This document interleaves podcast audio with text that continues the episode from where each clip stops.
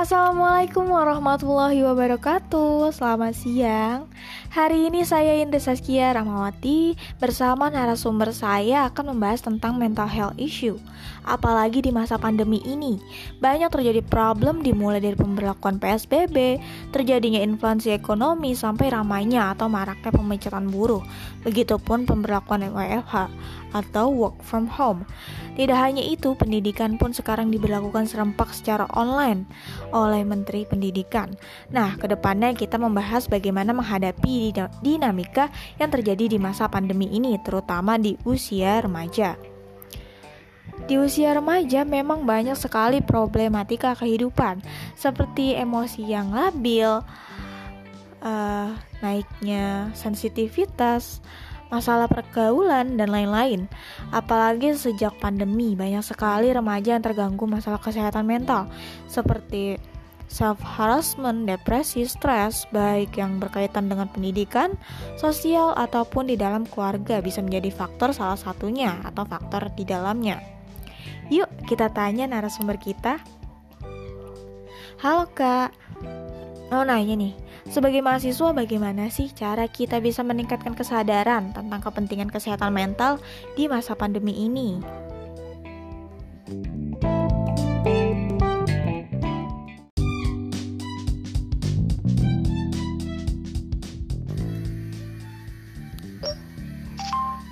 Saya Putri Farah Diba Hermawan, mahasiswa umur 20 tahun.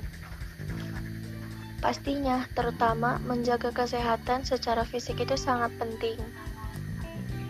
Apalagi di masa pandemi ini, kita wajib menjaga kesehatan fisik, kesehatan mental juga harus seimbang agar tubuh kita tidak rentan terhadap virus. Kesehatan fisik di antaranya juga uh, bisa dilakukan dengan rutin berolahraga di rumah untuk menjaga kondisi tubuh kita. Pola makan yang baik juga perlu sih untuk menjaga stamina kita selama di rumah maupun kita beraktivitas di luar. Penggunaan internet juga harus dibatasi meskipun sekarang semuanya serba online ya demi mencegah yang namanya overthinking atau membeli barang yang berlebihan. Terkadang sering lihat iklan yang menggiurkan dan jadi kepikiran. Akhirnya banyak list kepingin tapi berujung halu dan gak kesampaian sih.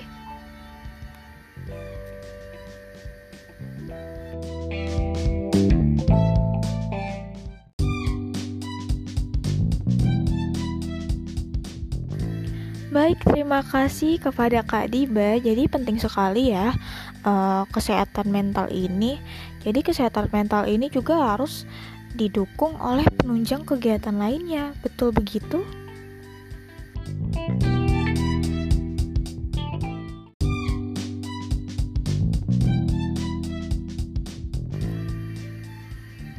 Benar, setuju sekali. Sama-sama.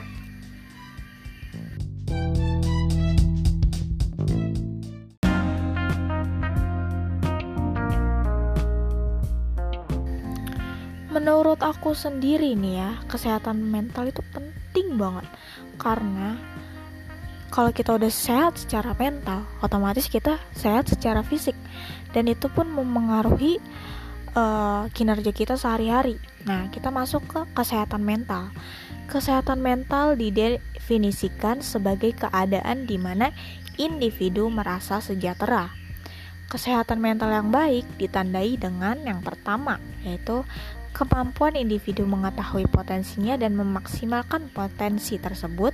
Kedua, kemampuan individu mengatasi situasi menekan yang dihadapinya. Ketiga, kemampuan individu untuk bekerja secara produktif dan bermanfaat di tempat kerja, keluarga, komunitas, dan di antara teman. Kesehatan mental juga merupakan hal yang sama pentingnya dengan kesehatan fisik.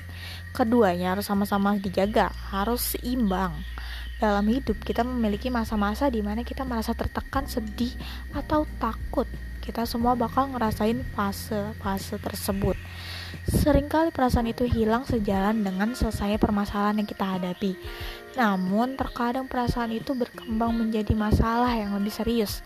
Hal itu bisa terjadi pada salah satu dari kita.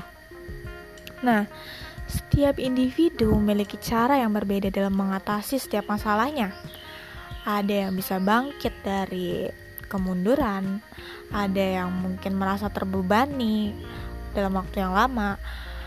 Nah, kesehatan mental yang kita miliki itu setiap orang berbeda-beda, nggak bisa sama. Dapat berubah karena adanya perubahan lingkungan serta kita yang terus bergerak melewati tahapan kehidupan yang berbeda.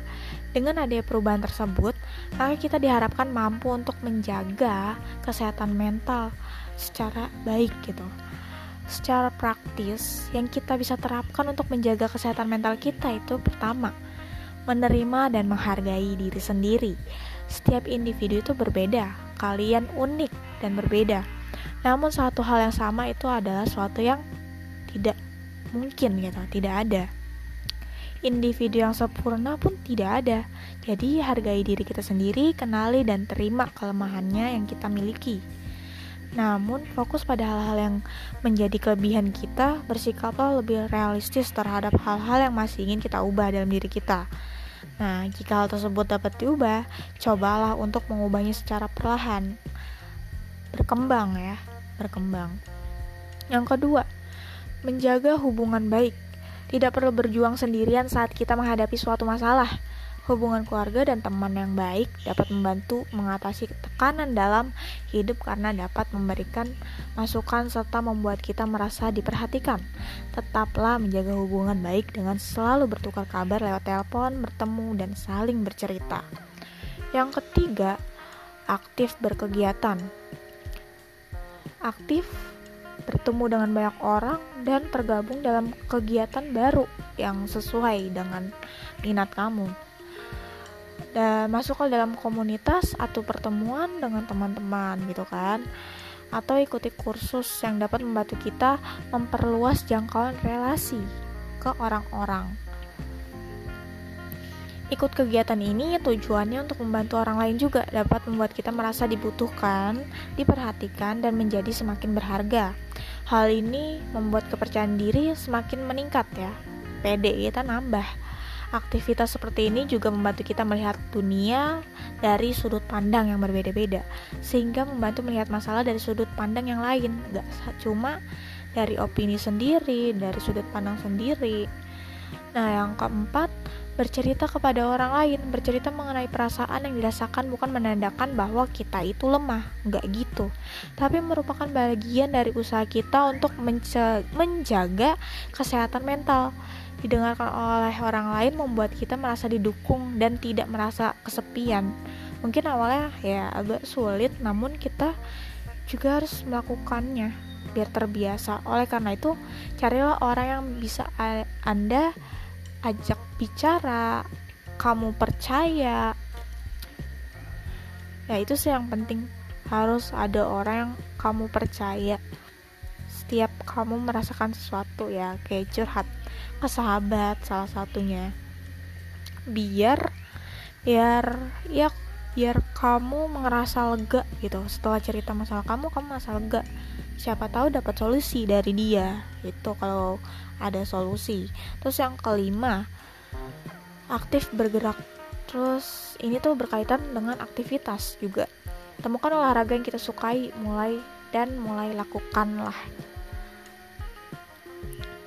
oleh karena itu, olahraga teratur dapat membuat kita merasa lebih positif, membantu konsentrasi tidur, serta membuat kita merasa dan terlihat lebih baik.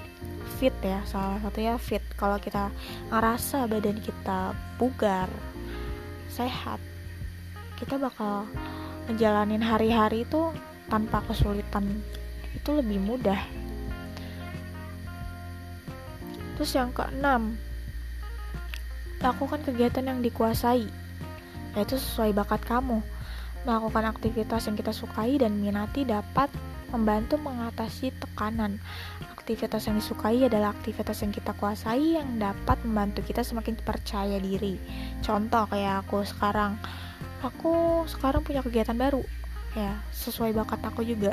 Berkebun, memasak, melukis, itu menurut aku ngebantu aku buat mengekspresikan diri biar nggak boring-boring banget gitu di rumah. Apalagi lagi pandemi kayak gini kan. Terus yang ketujuh jangan lupa istirahat. Habis aktivitas kita juga wajib istirahat.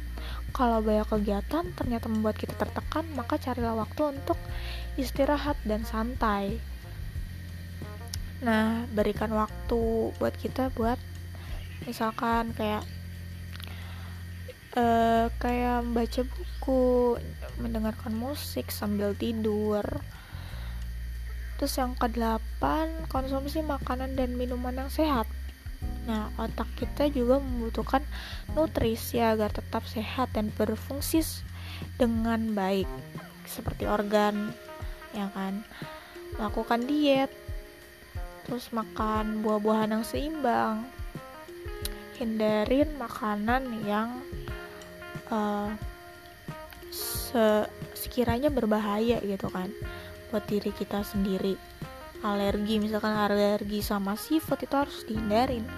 Terus yang kesembilan jangan lupa dan jangan segan minta bantuan. Terkadang kita merasa lelah atau kewalahan. Nah e, dari situ kita harus meminta bantuan ke orang lain atau ke yang lebih ahli setiap orang memerlukan bantuan dari waktu ke waktu dan tidak ada yang salah dari meminta bantuan. Apalagi itu tidak sesuai dengan apa yang bisa kita lakukan. Misalkan kita depresi berat ya kita harus cari bantuan ke psikolog psikiater ya kan? Nah itu sih dari aku dan sekian pembahasan tentang mental issue mental health issue dari aku gitu. Terima kasih untuk yang sudah mendengarkan dan sekian. Wassalamualaikum warahmatullahi wabarakatuh.